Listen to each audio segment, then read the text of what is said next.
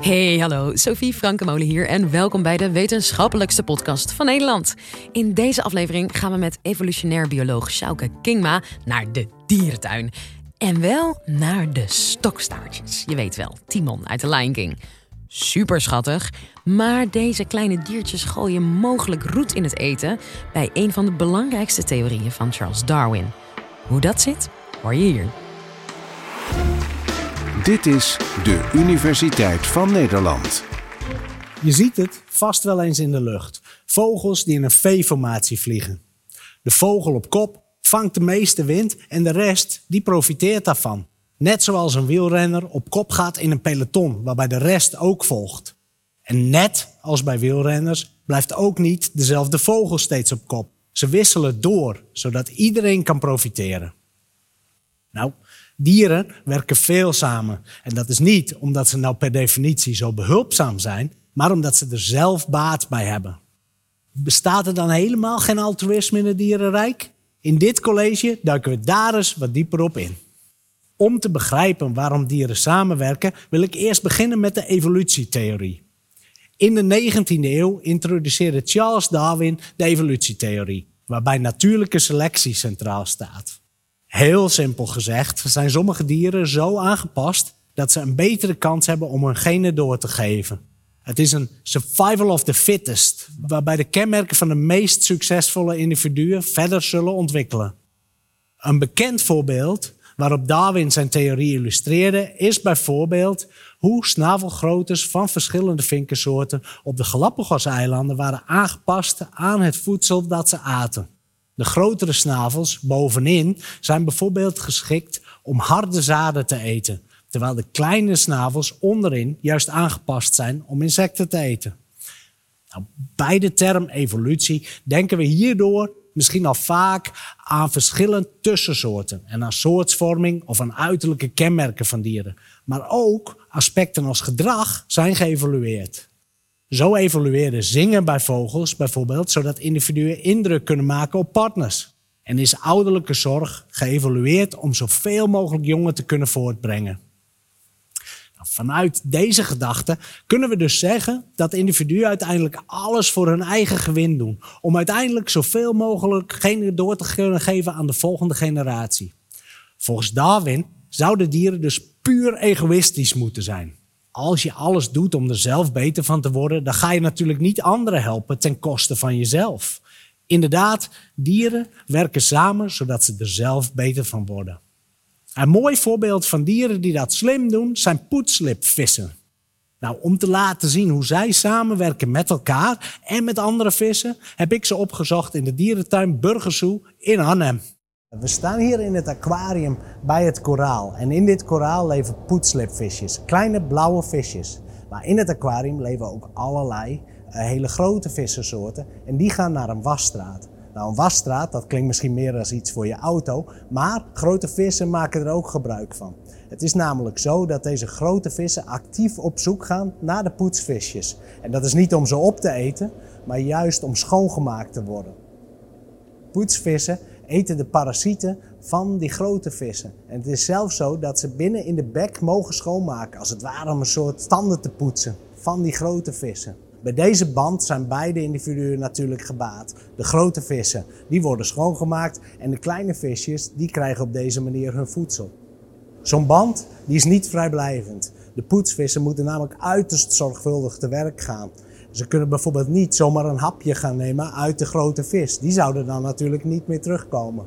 Zo'n band, waar beide partijen baat bij hebben, dat noemen we een mutualistische band. En die is echt op eerlijkheid gebaseerd. Het is zelfs zo dat als die kleine visjes wel een hap zouden nemen uit die grote vis, dat die worden weggejaagd door alle andere poetsvissen. Want die hebben er natuurlijk baat bij dat die grote vissen terug blijven komen. Eigenlijk zijn dieren dus heel egoïstisch. We doen er alles aan om zelf er beter van te worden. Maar misschien zijn er toch dieren die elkaar helpen zonder dat ze er zelf beter van worden. Wist je dat sommige vogels bijvoorbeeld aan babysitten doen? Daarbij helpen de jongere dieren de vaak wat oudere dieren in de broedzorg. Ze helpen om een nest te bouwen, ze bewaken het territorium, helpen met eten verzamelen of met het opvoeden en beschermen van de jongen. Heel veel dingen die veel energie kosten of zelfs ronduit gevaarlijk zijn. Maar waar de helpende vogel zelf helemaal niet beter van lijkt te worden. Nou, ongeveer 9% van alle vogelsoorten helpen op die manier mee. En ongeveer 3% van de zoogdieren, waar wij dus ook onder vallen. Bij stokstaartjes zie je bijvoorbeeld heel duidelijk dat ze anderen helpen bij de opvoeding van andermans jongen. Dat laat ik weer even zien in de dierentuin. We zijn hier nu bij het verblijf van de stokstaartjes. En stokstaartjes zijn hele sociale dieren, leven in betrekkelijk grote groepen en werken ook heel erg veel samen. Maar wat we hier direct zien, is dat één individu zich een beetje anders gedraagt dan de andere. De rest is nu allemaal aan het eten, maar deze zit op wacht. Nou, dit wachtgedrag is heel typerend voor de stokstaartjes. Als er gevaar aankomt, als er bijvoorbeeld een roofvogel overvliegt, dan waarschuwt dit individu de rest van de groep, zodat die kunnen gaan schuilen en kunnen gaan vluchten.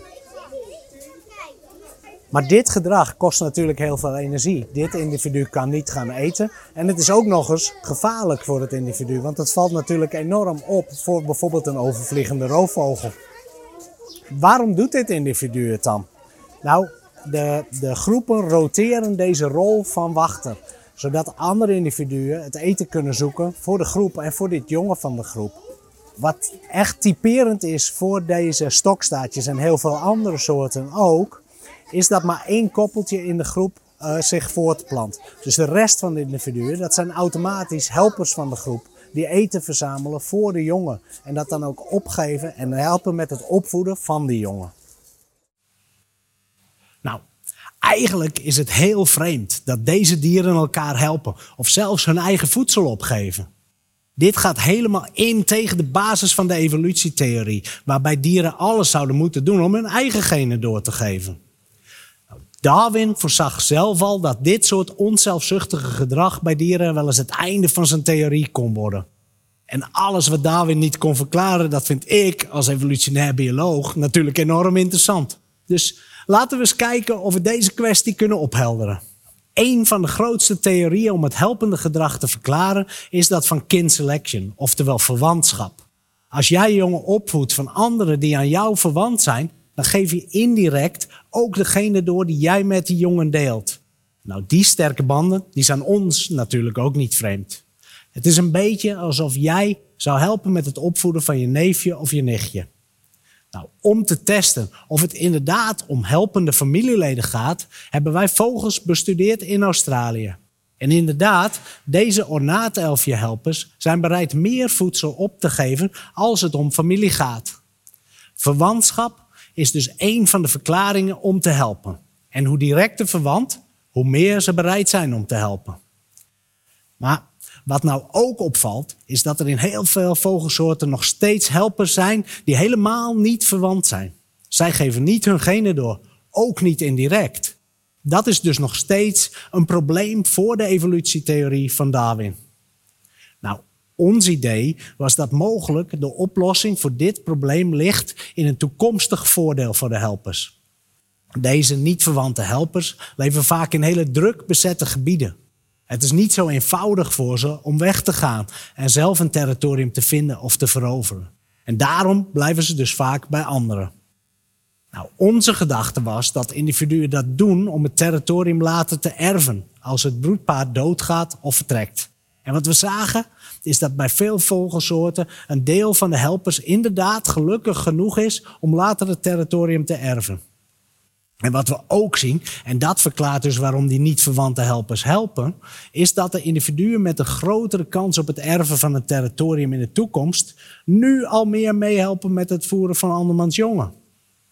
Nou, bij de vogels gaat het dus niet alleen om het territorium erven, maar ook omdat deze jongen in de toekomst dan weer hun eigen helpers zullen worden. Dit is een mooi voorbeeld van een berekenende babysitter die zijn of haar toekomst eigenlijk al uitstippelt. Samengevat lijken helpende dieren dus in eerste instantie de evolutietheorie in de war te schoppen met hun altruïstische gedrag. Maar het blijkt dat door het doorgeven van gedeelde genen met familie en het plannen van de toekomst toch een heel sterk staaltje evolutie ten grondslag ligt aan zulk ogenschijnlijk onzelfzuchtige gedrag. En hiervan kunnen we leren dat helpen niet alleen loont voor het individu, maar ook dat we vaak wat meer in de toekomst moeten kijken om de baten van samenwerking en sociaal gedrag te kunnen zien. Je hoorde Sjouke Kingma van Wageningen University. Hey, en volgende keer dat je in de dierentuin bent en je naar die stokstaartjes staat te loeren, dan kun je dit mooi aan een paar mensen vertellen. Stil je helemaal de show. En trouwens, over show gesproken. Wil je ons steunen voor 2,50 euro per maand? Word dan vriend van de show. Alle informatie daarover staat in de omschrijving. Bedankt voor het luisteren en tot de volgende.